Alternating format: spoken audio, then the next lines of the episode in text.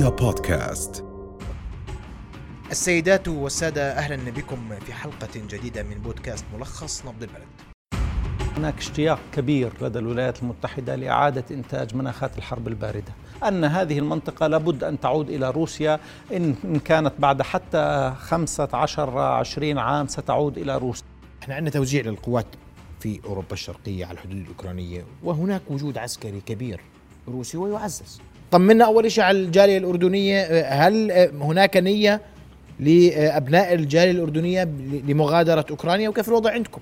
تسمعوا بتسمعوا إنه طبول الحرب تقرع والأوضاع مش جيدة ففعلا يعني تتسارع الأحداث اليوم ويشتعل فتيل الأزمة ما بين الجانبين الروسي والأوكراني والحديث عن طبول حرب تقرع بينهما الحديث أكثر أرحب بضيفي الدكتور عامر السبايري الخبير الاستراتيجي. دكتور عامر مساء الخير. مساء النور. أول سؤال يساله كل مهتم في هذا الموضوع ستقع الحرب أم لن تقع؟ برأيك بقراءتك للمشهد يعني بتقييمك لما يحدث من اتصالات ولقاءات ومباحثات إلى آخره. هو فعليا يجب أن نقول أنه واضح أننا نعيش لحظة هناك اشتياق كبير لدى الولايات المتحدة لإعادة إنتاج مناخات الحرب الباردة. فيعني هذه هي نقطة الانطلاق وبالتالي أن ما نعيشه اليوم هو رغبة في قرع طبول الحرب لكن في الحقيقة ليس هناك رغبة لدى أي طرف في وقوع الحرب سواء في على المستوى الغربي أو حتى في روسيا. لكن عندما نتحدث عن سياقات الأمور في موضوع أوكرانيا والتصعيد الذي يحدث هو باعتقادي يعني استمرار لما ترغب به الولايات المتحدة. يعني تضخيم فكرة هذا الصراع نقله وتحويله إلى فكرة اعتداء واجتياح. يعني دعنا نضع أولا النقاط على الحروف. يعني منذ البداية حتى في أدبيات الولايات المتحدة الاستراتيجية هي تدرك تماما منذ سقوط الاتحاد السوفيتي أن مناطق شرق أوكرانيا هي مناطق تنتمي تاريخيا وحضاريا وثقافيا تنتمي إلى روسيا وبالتالي كانت كل القراءات تشير أن هذه المنطقة لابد أن تعود إلى روسيا. إن كانت بعد حتى 15 20 عام ستعود إلى روسيا. لكن حتى الروس اليوم يدركوا أن كل مناطق غرب أوكرانيا لا تنتمي لروسيا فعليا وليس هناك مصلحة أيضا في انضمامها. لكن القراءة الحقيقية اليوم هو إذا اتفقنا أن مناخات الحرب الباردة تدفع بها الولايات المتحدة علينا أن نعود ننظر ونفصل لما قاله مدير الاستخبارات الأمريكية مدير المخابرات الأمريكية ويليام بيرنز في جلسة الاستماع لتعيينه في الكونغرس. عندما تحدث عن خطرين يواجه الولايات المتحدة وانها أن إدارة الولايات المتحدة هذه ستنصب على فكرة مواجهة الصين وروسيا. إذا ما يجري اليوم هو فعليا ترجمة لهذه السياسة التي جاءت بها إدارة بايدن. إذا نحن لا نقول أن هناك آه يعني آه أمور على الأرض تفرض الحرب لأن الأمور لم تتغير في عهد يعني مقارنة في إدارة ترامب. يعني اسمح لي إحنا عندنا توزيع للقوات في أوروبا الشرقية على الحدود الأوكرانية وهناك وجود عسكري كبير روسي ويعزز. الحديث في موازين القوى بين روسيا وأوكرانيا عقيم إن صح التعبير لأنه في فرق شاسع ما بين في القوة العسكرية. صحيح؟ صحيح. وإذا ما ذكرنا حتى الترسانة النووية الروسية أوكرانيا تخلت عن ترسانتها النووية كاملة وروسيا لا تزال تملك ترسانة نووية نووية هي من أكبر الترسانات في العالم. أوكرانيا ليس لها أي آه اليوم أي دور حقيقي في هذه المواجهة، هذه المواجهة هي ترجمة لرغبة الولايات المتحدة في إعادة فكرة فكرة المواجهة مع روسيا باعتقادي في استعدادها للمواجهة الأكبر في موضوع الصين. نتحدث اليوم عن الموازنة العامة لهذا العام. نتساءل هي هل هي تقليدية كما تحدث عنها بعض النواب أم أنها غير تقليدية كما تحدث عنها وزير المالية. نتابع بداية جزءا من رد وزير المالية على كلمات النواب اليوم. إن الأردن قادر على تجديد ألقه وهو يدخل مئويته الثانية بثبات. قادر على إطلاق العنان لموارده البشرية. لحديث حول هذا الموضوع أرحب بضيوف الكرام. الدكتور معن قطمين الوزير الأسبق. مساء الخير يا سيدي. الورد؟ في نبض البلد؟ أرحب أيضا بعضو مجلس النواب دكتور نمر السلاحات العبادي. مساء الخير دكتور نمر. أهلا بك. دكتور معن أسمع رأيك بإقرار الموازنه اليوم كما وردت من الحكومة تقريبا إن صح التعبير. بسم الله الرحمن الرحيم والصلاة والسلام على سيد المرسلين. يعطيك العافية يا أخوي محمد. يعطيك العافية دكتور نمر. حقيقي مساء الخير لجميع المشاهدين. يعني صراحة اليوم 14 2 2022 الموازنة يقرك. فأنا بشعر اللقاء هو نوع من تأبين الموضوع مثل ما هو 14 2 تأبين للفالنتاين. وش اسمه؟ شيء مؤسف؟ للأسف الشديد من يعني من أكثر الأمور المؤسفة أنه تشوف موازنة بهذا القدر من الخلل تقر. آه وبدي أعلق على كلمة حكاها وزير المالية بيقول لك يعني تحقق أحلام الأردنيين. هذه عبارة عن كابوس في مستقبل الأردنيين. هذه الموازنة ومثيلاتها من الموازنات لأنها موازنات خاوية فاشلة فيش فيها شيء. هي عبارة عن أرقام جوفاء فيش وراها حتى أولويات. حتى أنا آجي أسأل الحكومة أقول لهم ماشي وقررنا لكم الموازنة ب 10 مليار. شو المستهدف للبطالة؟ السنة القادمة واللي بعديها واللي بعديها. شو راح تنزل لي إياها؟ شو المستهدف للفقر؟ ما في. بس هالأرقام وهالخطابات وفي النهاية تقر وتمشي. الخطورة في موضوع هذه الموازنة مثل ما حكيت أنا من السابق هذه ألزمت الآن أي شخص بده يكون يعمل في العمل الحكومي لعام كامل 2022 يعني لو الشهر القادم يجيك أينشتاين ولا آدم سميث ولاقي عنده موازنه ل 31 12 2022 شو بده يسوي؟ فأشعر بالأسف صراحة يعني. دكتور لما أسمع تعقيبك سيدي. سيدي آه، شكرا وأنا يعني والحكومة اليوم كانت واضحة في ردها. هناك خطوات هيكلية في الاتجاه الصحيح والحكومة التزمت بتعهداتها العام الماضي. الدكتور معن بيقول لك ما حدث اليوم مؤسف الموازنة يعني كابوس وليست حلم. شكرا فضل. لك أخي محمد شكرا لمعالي ضيفنا المحترم. حياك الله. يعني هي الموازنة تقليدية تقليدية بوجود إنه والله في رواتب وفي إيرادات وفي نفقات وفي آه، خدمه دين وفي آه، نفقات رأس مالية هذه بدها تكون تقليدية. لكن يمكن أنا بأيد وزير المالية بشيء إنه والله في شيء مو تقليدي بهاي الموازنة. يعني في 80 مليون آه، للتشغيل. في 50 مليون للسياحة في 24 مليون للطاقه للمصانع في عندنا 20 مليون للاستدامة لبعض آه، آه، المصالح المتضررة من كورونا. بالتالي آه، فيما يقرب من 3 مليار عجز. تسمح لي. غير تقليدية. تسمح لي. آه. النفقات الموجودة بتغطي 86% من النفقات الجارية. وبالتالي 86 لابد يكون في عجز تقليدية بكل شيء باستثناء يعني آه، العجز ما كان تقليدي. كل سنة في تقليدي عندنا موجود. آه، بيقولوا والله آه، العجز مليار و756 مليون. هذا للموازنة العامة والوحدات الحكومية حوالي 600 مليون. وبالتالي بيطلع 2 مليار و409 مليون العجز موجود. هاي الموازنة أتت من الحكومة إلى مجلس النواب. مجلس النواب باللجنة المالية بداية ومن ثم مجلس النواب بالمادة 112 آه، لا يحق لمجلس النواب التخفيض أو اللجنة المالية إلا التخفيض فقط لا يحق لهم الزيادة. وبالتالي هذه آه، الموازنة تخص الحكومة الموازنة نتمنى أنه بيكون في الأعوام القادمة هناك خطة للحد من المديونية على الدولة. نتمنى أن يكون آه، يعني بدك تقول لي أهم ملامح الموازنة أنه والله في عندنا مليار ونص خدمة دين.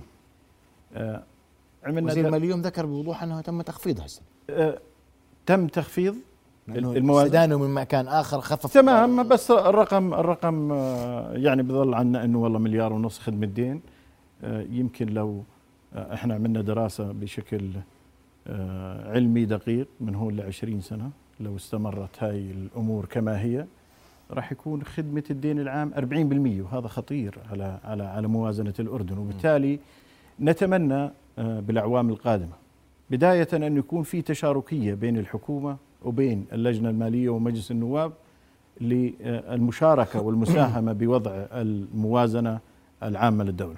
والتعديلات الدستورية الأخيرة آه، العام القادم سيكون هناك موازنة واحدة تخص مشروع موازنة ال- ال- ال- الموازنة العامة للحكومة وموازنة الهيئات الحكومية. ستكون بموازنة واحدة وبالتالي سيظهر عندك رقم العجز بشكل أكبر. لن تكون هناك مشروعين للموازنة سيكون هناك مشروع وهي من التعديلات الدستورية الأخيرة. نتمنى أن يكون في مشاريع في في في شيء فعلا غير تقليدي. طيب. يعني آه، حتى يحفز بدنا خطة للحد من البطالة. بدنا خطة للحد من الفقر الموجود بالأردن. فهذا إحنا نتمناه بالسنوات القادمة إن شاء الله. هل هذا موجود في موازنة هذا العام؟ آه أو لا؟ آه، بطاله وفقر. بطالة وفقر يعني أنا حكيت لك بجوز عن ال 80 مليون تشغيل. 80 مليون تشغيل آه، آه، للاستدامة 20 مليون آه، هاي يعني يعني 100 مليون. ويمكن 100 مليون كمان من ضمن موازنة ال- وزارة الصحة هي ل- لكورونا. بالتالي هاي موجودة فقط. أسمع ردك يا دكتور مان المواز- الموازنة يعني ليست ليست تقليدية فيها ما هو غير تقليدي. وأنا أضيف على ما أورد الدكتور نمر أن وزير المالية اليوم أوضح انه موضوع الجمارك غير تقليدي موضوع التحصيل الضريبي غير تقليدي موضوع تخفيض فوائد أو خدمة الدين لم يكن تقليديا في هذه الموازنة وأن الحكومة التزمت على أقل تقدير بما أوردته في العام الماضي في موازنته شوف. هذا اورده اليوم الوزير صحيح. هلا الوزير هاي الشغلة اللي شغلته يعني بده يطلع يقنعك في موازنته بده يقول لك غير تقليديه ومتميزه ونفخر وكل هالكلام الإيجابي هذا وظيفته يعني. لكن أنا بدي آخذ من الكلام اللي حكاه الدكتور نمر. بقول لك إذا بتستقرئ الأرقام لمدة 40 سنه إحنا ما بندير آه، يعني مزرعة صغيرة أو دكانة إحنا بندير دولة. فهو الدكتور نمر بقول لك إذا استقرأنا الأرقام فيها لمدة 20 20 سنة, سنة. حصير 40% مثلا ال- ال- الفوائد من الموازنة. طب أنا في فيلم طلعته من فترة استقرأت عشر سنين تقريبا على نفس النهج. بندين بند التقاعد وبند ال- الفوائد. الحكومة أعلنت عزمها الإعلان بشكل متدرج خلال أسابيع مقبلة عن إجراءات تخفيفية هدفها إنهاء الإجراءات المتعلقة بوباء كورونا بما ينعكس إيجابا على معظم القطاعات الاقتصادية. للحديث حول هذا الموضوع أرحب بضيفي مسؤول ملف كورونا دكتور عادل بلبيسي ومستشار رئيس الوزراء في شؤون الأوبئة. مساء الخير. مساء الخير. أهلا بك. هلا بيك. أنهيتوا اجتماعكم قبل قليل. صحيح. أبرز ما نوقش بداية قبل التوصيات. آه مساء الخير مرة أخرى. يعني قبل ما نحكي عن آه المواضيع التي نوقشت في خلال اجتماع لجنة الأوبئة بدي أكد أنه الوباء لم ينتهي. المرض لم ينتهي. ما زال المرض موجود عالميا ومحليا. وأنه أي إجراءات تخفيفية تتخذ أو نوقشت أو سوف تتخذ الهدف منها هو آه، تحريك عجلة الاقتصاد. لكن يجب أن دائما نكون متأكدين أن المرض ما زال موجود وأن الإجراءات الوقائية والتطعيم ما زالت قائمة بغض النظر عن الإجراءات التخفيفية التي اتخذت جميل. هدف الإجراءات التخفيفية هي تشجيع الاقتصاد تشجيع السياحة تشجيع حركة الاقتصاد في البلد فقط وليس أنه آه، آه، ننهي آه، ملف كورونا أو نطوي ملف كورونا كما يقول البعض. لا طي الملف لكن تمام. في نقاش. بالضبط. لجملة من الإجراءات صحيح. يفترض يعني اوصيتوا فيها للحكومة. أنا ما بدي أقول لك شو وصيت. قول لي إيش ناقشتوا بعدين بنعرف التوصيات لا أنا بدي أقول لك ان المواضيع يعني م. تم تم تم مناقشة. حتى حتى نشجع عجلة الاقتصاد ونشجع السياحة في البلد. تم ويمكن صار الحديث آه، آه، سابقا عن هذا الموضوع إنه آه، إجراءات ال- ال- الفحوصات للقادمين على الحدود والقادمين من الخارج. نوقشت هذا الموضوع ويمكن آه، كان في مناقشة لنفس الموضوع في المرة ال- ال- ال- السابقة في اجتماع لجنة الأوبئة السابق. واتخذ في قرار لكن كان غير واضح أو توصيه وليست قرار. التوصية لكن غير ما واضحة كانت ما كانت؟ كانت التوصية؟ كانت كانت توصيه في إنه نلغي الإجراءات ال- ال- ال- ال- القادمين من آه، آه، من بلد القدوم. يعني, ما في يكونش ما فحص يفحص في بلد ما القدوم. في آه في فحص PCR من بلد القدوم. آه، آه، نوقش هذا نوقش هذا الموضوع. شو شو صار عليه؟ وكان في هناك توصية في هذا الموضوع. آه، نوقشت ال ال- بس خليني خليني في الأولى اسمح لي. آه. وصيتوا التوصية كانت الأسبوع الماضي إنه القادم. ما يفحص. ما يفحص. يفحص في عمان. ويفحص في عمان. نعم. اليوم بقيت التوصية على حالها؟ ما زالت ما زالت توصية بإنه ما ما يفحصه القادم. وهناك نقاش حول الفحص في عمان.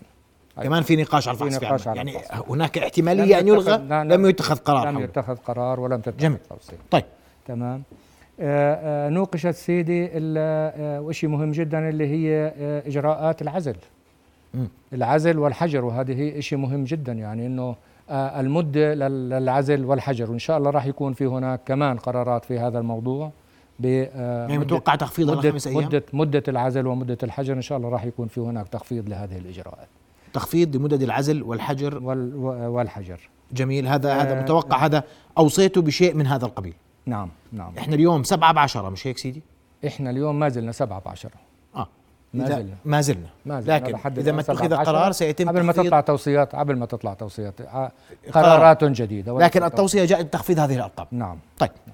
هذا نقطة ثانية. تمام. آه آه العودة للمدارس. بحثت أيضا العودة للمدارس وكانت ثبتوها؟ وكانت وكان يعني ال- ال- ال- التوصية أنه العودة في في في موعدها. وأيضا آه، آه، مناقشة ال- آه، البروتوكول الصحي بحيث أنه دقيقة سيدي أنتم هلا العودة للمدارس بموعد. اللجنة أوسط؟ بموعد. أن يبقى موعد العودة موعد للمدارس العودة على حاله المدارس دون على تغيير حالة 20 2 العودة إلى المدارس. بعدين ناقشتوا المدارس وجاهيا وجهيا نعم. ناقشتوا البروتوكول الصحي نعم شو؟ وانه يصير في هناك بعض التعديلات على البروتوكول الصحي مم. بحيث إنه نضمن استمرارية آه، آه، العودة إلى المدارس وعودة الطلاب إلى المدارس. زي إيش؟ آه، يعني في حديث إنه 10% لغيتوها آه، آه، وصيتوا في- بإلغائها. في توصية بإلغاء العشرة بالمية من الفحوصات حتى من ال- ال- آه، 10% نسبة من البيانات. النسب الإيجابية حتى تعطل الصف أو تعطل ال- ال- المدرسة وهذا إن شاء الله راح يكون أيضا في قرار. هذا- نسبة جديدة؟ هذا الموضوع لم تحدد نسبة جديدة حتى الآن. كويس. هذا العودة للمدارس. نعم. غيره سيدي. هذه المواضيع هذه مجمل مجمل المواضيع اللي, اللي, اللي, اللي آه، آه، نوقشت اليوم. آه، ما ناقشتوا الكمامة ما ناقشتوا المطاعيم سند تمام. معلش خلينا أمور الناس لا لا لا, لا فيها. ما, ما, ما مهم جدا يعني الفحص في الفنادق بدأت تفحصوا في الحفلات هاي كلها اسئله موجودة. أنا نعم. أنا بدأت يمكن حديثي بأنه أقول أنه بالرغم من الإجراءات التخفيفية الكورونا لم تنتهي. م. لذلك الكمامة موجودة تطعيم موجود إجراءات ال- ال- ال- المراقبة والتفتيش ما زالت موجودة. هدف كل هذه الإجراءات التخفيفية اللي أوصي أو إن شاء الله راح تؤخذ فيها قرارات هي آه، تحريك عجلة الاقتصاد تحريك السياحة تحريك عجلة الاقتصاد في البلد. اليوم يتم فصل صحفيين بتهمة معاداة الساميه في ألمانيا عندهم فوبيا من اللاسامين فصل الخمس صحفيين بسبب آه، آراء كتبوها على الفيسبوك قبل ما يشتغلوا حتى في ال- في الدوتشويلا قضية الصحفيين الخمسة اليوم قضية آه، طردهم وإخراجهم من من من من المؤسسة الصحفية الألمانية. هذا أيضا موضوع اليوم من يسأل عنهم من يقف إلى جانبهم. هناك خمسة زملاء خمس زملاء, لنا تم فصلهم. وهناك خطر من فصل عدة زملاء آخرين في دوتشي فيلا. يتعلق بعدالة القضية الفلسطينية. يعني الآن الذي يحدث أنه ليس فقط الرأي ممنوع نقله لكن يتم محاولة أنه تغيير السياسات التحريرية. بعد القرار الذي أصدرته إحدى المؤسسات الإعلامية الألمانية القاضي بفصل عدد من الصحفيين العرب بحجة ادعائهم معاداة السامية نتساءل اليوم عن حجم الحريات الإعلامية تحديدا عالميا مع دول تدعي الحرية الإعلامية. الحديث أكثر حول هذا الموضوع. أرحب بالمتخصص في الحريات الإعلامية أستاذ يحيى شقير.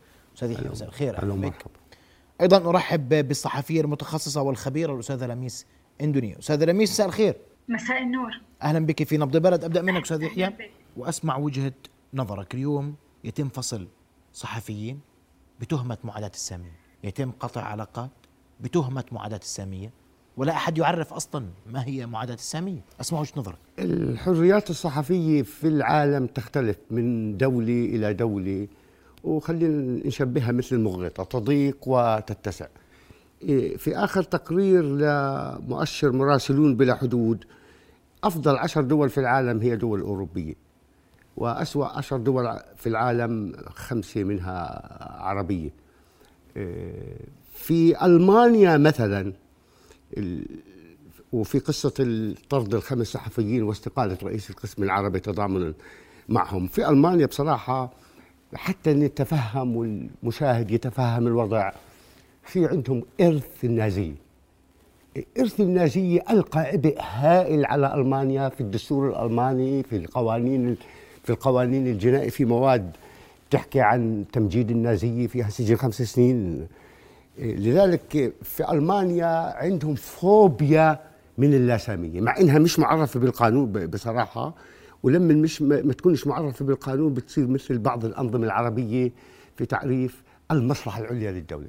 تصير تضيق وتوسع الخناق مثل ما بدهم. لذلك آه، معاداة السامية في ألمانيا لحد الآن آه، مش معرفة. لكن مع الاحترام الشديد للقرار اللي أصدروه ألمانيا دولة ديمقراطية فيها نظام قضائي مستقل فيها محكمة دستورية. فصل الخمس صحفيين بسبب آه، آراء كتبوها على الفيسبوك قبل ما يشتغلوا حتى في في الدوتشويلا لا يعني نهاية الطريق. أنا أنصحهم باللجوء إلى الأل- إلى القضاء الألماني. وخلال ستة أشهر إذا القضاء الألماني ما أنصفهم أن يرفعوا للمحكمة الأوروبية لحقوق الإنسان. والمحكمة الأوروبية لحقوق الإنسان آه، اتخذت قرارات كثير اتخذت ألف قرار على فكرة من إنشائها لحتى اللحظة هاي وانحازت تماما لحرية التعبير خاصة في حرية التعبير السياسي. آخر قرار اتخذته رقم 69 آه، العام الماضي. حول مقاطعة حول تجريم فرنسا لمن يدعو إلى مقاطعة المنتجات الإسرائيلية وعدم الاستثمار فيها. بتعرف في ال- الأس دي إس هاي والقضاء ال- القضاء ال- آه، الفرنسي عاقب النشطاء الفرنسيين ومنهم بعض بعض العرب. ولكن رفعوا القضية للمحكمة الأوروبية لحقوق الإنسان القضية المحكمة الأوروبية فسخت القرار وكانت القضية تندر- تندرج في إطار حرية التعبير السياسي وتتعلق بمسألة آه، مرتبطة بالمصلحة العامة والآن نعم. كل الدول الأوروبية ملزمة بتطبيق هذا القرار. جميل. أستاذ لميس آه، أنتقل لك واليوم ما حدث في ألمانيا. ألمانيا تدعو للديمقراطية والحرية وحرية التعبير. وهذا ينعكس على دول عالم أخرى ودول أوروبية أخرى. وهنا في قلق صار أن كل من سيقول أن هناك جرائم ترتكب على الأرض الفلسطينية آه، التاريخية سيتهم بمعاداة السامية وأنت خبيرة وصاحبة اطلاع على هذه الأمور. أسمع وجهة نظرك. وفي القضية هذه تحديدا أيضا. صحيح إنه وضع ألمانيا آه، يعني حساس بسبب إرث النازية. آه، لكن هي هي حملة صهيونية ولا أقول ذلك جزافا يعني آه، نظريه المؤامرة لكن معلنة ليس فقط في ألمانيا لكن ألمانيا لديها وضع حساس أكثر من غيرها.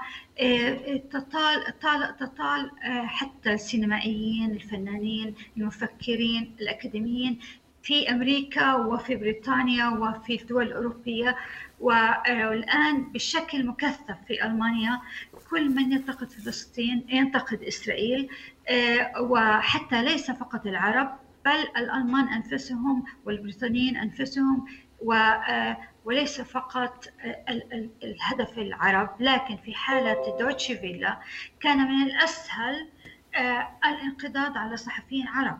لأن هذه هذه هذه مسألة أصعب أن تقوم ضد يعامل الصحفي الألماني بنفس الطريقة لكن هناك شعور في ألمانيا أن الجميع مستهدف. يعني أنا تحدثت مع ألمان يعملون مؤسسات فكرية وثقافية يحسون أن هذه هجمة على الجميع. لا أريد أن أقول أن سبب هذه الهجمة إسرائيل كانت دائما وحلفاء حلفائها تستعمل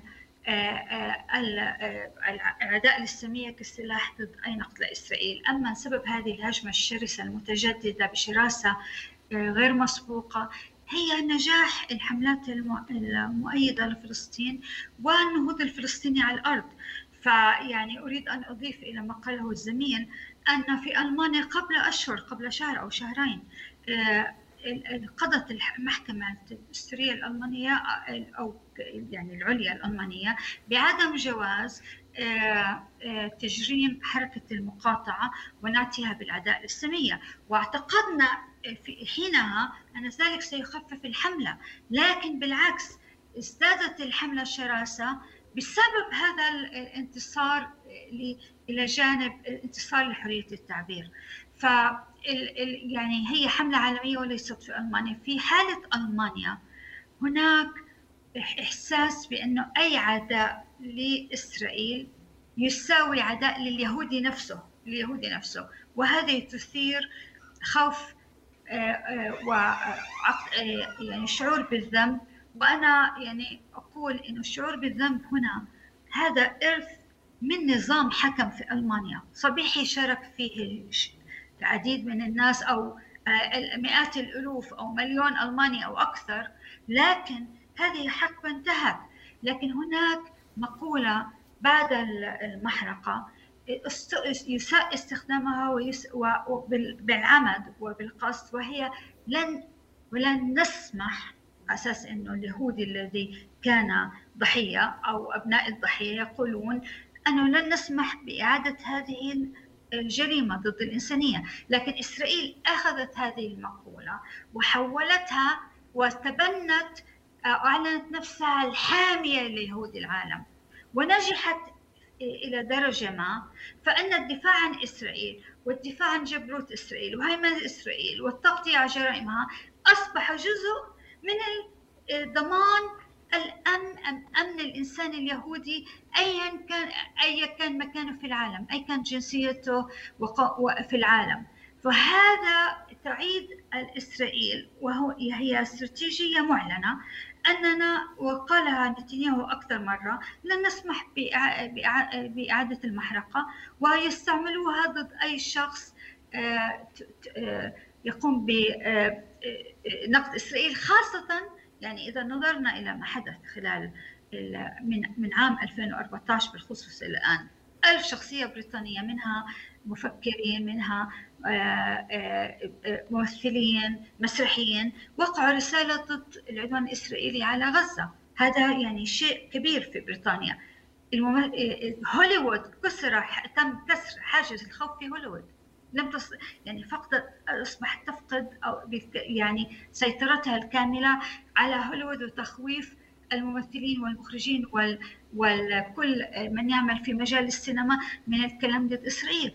أصبح هناك ممثلون آه، أو آه، عالميين نجوم عالميين يتهمون إسرائيل بالأبرتايد وجرائم ضد ضد الإنسانية والفصل العنصري وأيضا يتهمونها بأنها ضد حقوق الشعب الفلسطيني. الحديث كثر مؤخرا عن المنظمات الدولية الموجودة في فلسطين المحتلة ودورها الإيجابي في تمكين القضية الفلسطينية من إبداء رأي وتشكيل رأي عام حول هذه القضية. أسئلة كثيرة حول هذا الموضوع أطرحها ليلى على ضيوفي الأستاذ حمادة فراعنة الكاتب والمحلل السياسي. أستاذ حمادة مساء الخير. مساء الخير يا مرحبا. في نبض البلد؟ أيضا أرحب بالدكتور أحمد مجدلاني آه، عضو اللجنة التنفيذية في منظمة التحرير الفلسطينية ووزير العمل الفلسطيني وأمين عام جبهة النضال الشعبي. مساء الخير. دكتور أحمد أهلا بك في نبض البلد مساء الخيرات أهلا وسهلا. مرحبا. أبدأ منك أستاذ حمادة. لما نحكي عن المنظمات الدولية في أسئلة كثير حول دور هذه المنظمات.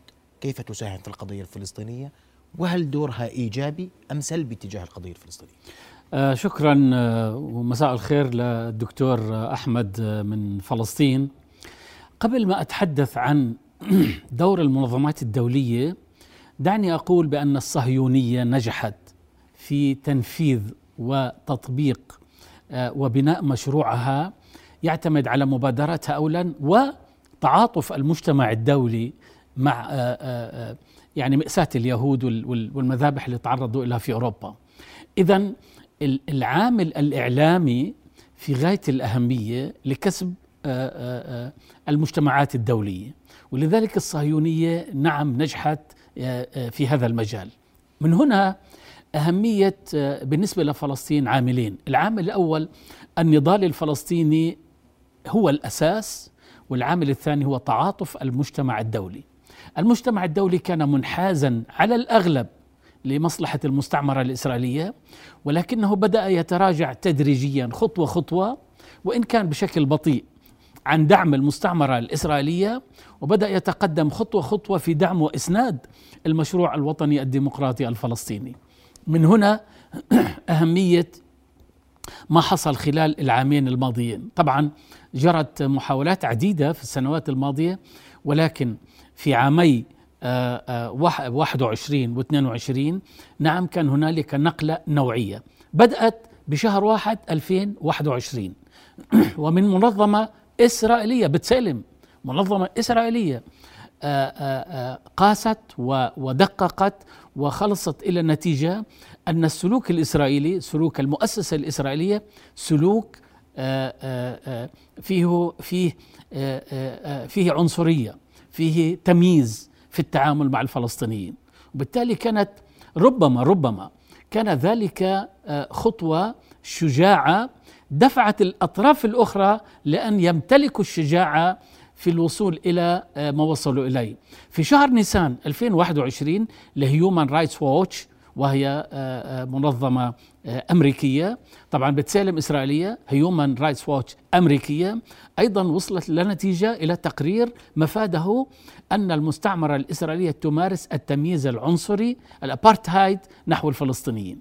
ولكن في شهر شباط في واحد شباط 2022 تقدمت منظمة العفو الدولية امنستي انترناشونال خطوة جوهرية كبيرة إلى الأمام وهي حكمت على أن الفلسطينيين بمكوناتهم الثلاثة أي فلسطيني مناطق الاحتلال الأولى عام 48 أبناء الجليل والمثلث والنقب ومدن الساحل المختلطة بين قوسين الذين يحملون الجنسية الإسرائيلية المواطنة الإسرائيلية. اثنين فلسطينية مناطق الاحتلال الثاني عام 67 أبناء الضفة الفلسطينية والقدس وقطاع غزة. وثالثا أبناء اللاجئين. هذه المكونات الثلاثة وجدت أمنستي أن المستعمرة الإسرائيلية تتعامل مع الأطراف الفلسطينية الثلاثة بعقلية وبسلوك آه، آه، فيه أبارتهايد وتمييز عنصري. نعم. بالتالي هذه نقلة نوعية لم تجرؤ عليها من قبل أي مؤسسة يعني دولية أو إسرائيلية. ان ان أن تتحدث عن اللاجئين كما تتحدث وهم نصف الشعب الفلسطيني. أن تتحدث عن نصف الشعب الفلسطيني خارج فلسطين وتتحدث عن النصف الآخر المقيم على أرض فلسطين سواء في مناطق السبعة وستين أو مناطق الثمانية وأربعين. نعم.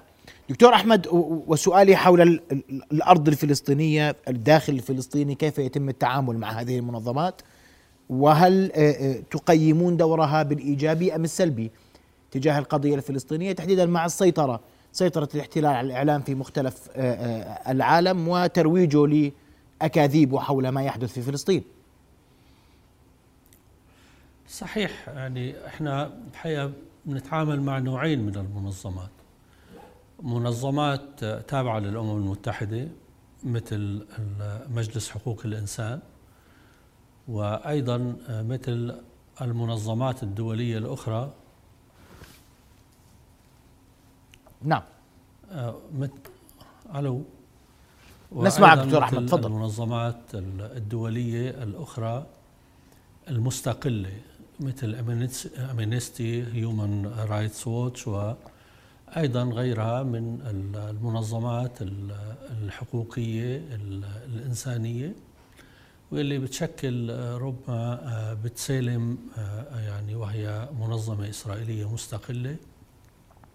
يعني بتشكل علامة فارقة داخل إسرائيل لتقاريرها الشجاعة وأيضا لمواقفها الجريئة اللي بتنتقد فيها الاحتلال واللي بتقدم شهادات حية عن الانتهاكات لجيش الاحتلال الإسرائيلي ولأيضا السياسي الممنهج للحكومات الإسرائيلية برعايتها للمستوطنين وللاعتداءات والانتهاكات التي يقوم بها المستوطنين بحق أبناء شعبنا. أنا أريد أن أقول أن كل هذه المنظمات التي نتحدث عنها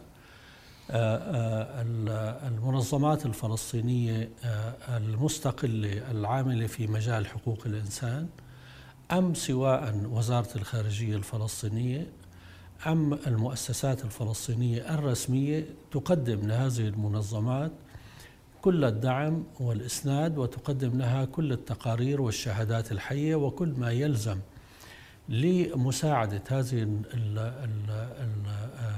المنظمات الدولية للخلوص باستنتاجات وتقارير جدية وتقارير أيضا واقعية وأيضا تقارير ملموسة عن الانتهاكات الإسرائيلية. ما تفضل في أخي الأستاذ حمادة فيما يتعلق بالتقدم الكبير الذي حصل في تقارير المنظمات الدولية المعنية بحقوق الإنسان. خلال السنوات القليلة الماضية أنا أعتقد ان هناك في تحول وتحول نوعي وكبير في مواقف وتقارير آه، هذه المنظمات. وأنا الحقيقة بدي أشير خلال السنوات الماضية لمجلس حقوق الإنسان التابع للأمم المتحدة ويلي أصدر أكثر آه، آه، من تقرير وأكثر من لجنة للتحقيق في الانتهاكات في حقوق الإنسان. واللي أيضا شكلت هذه التقارير التي آه، آه، أصدرها أصدرتها لجان مجلس حقوق الإنسان آه، الأداة التي بنت عليها المحكمة الجنائية الدولية أيضا ملفات التي قدمت لها وملفات التقاضي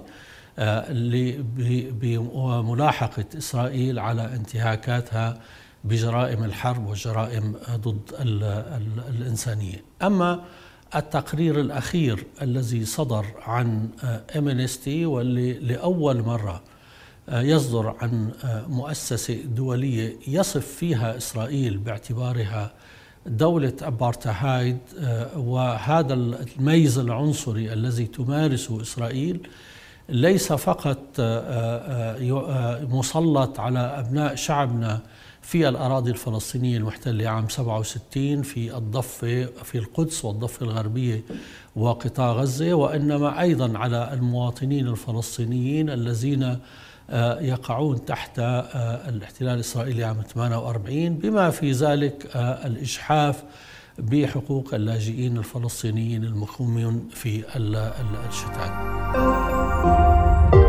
رؤيا بودكاست.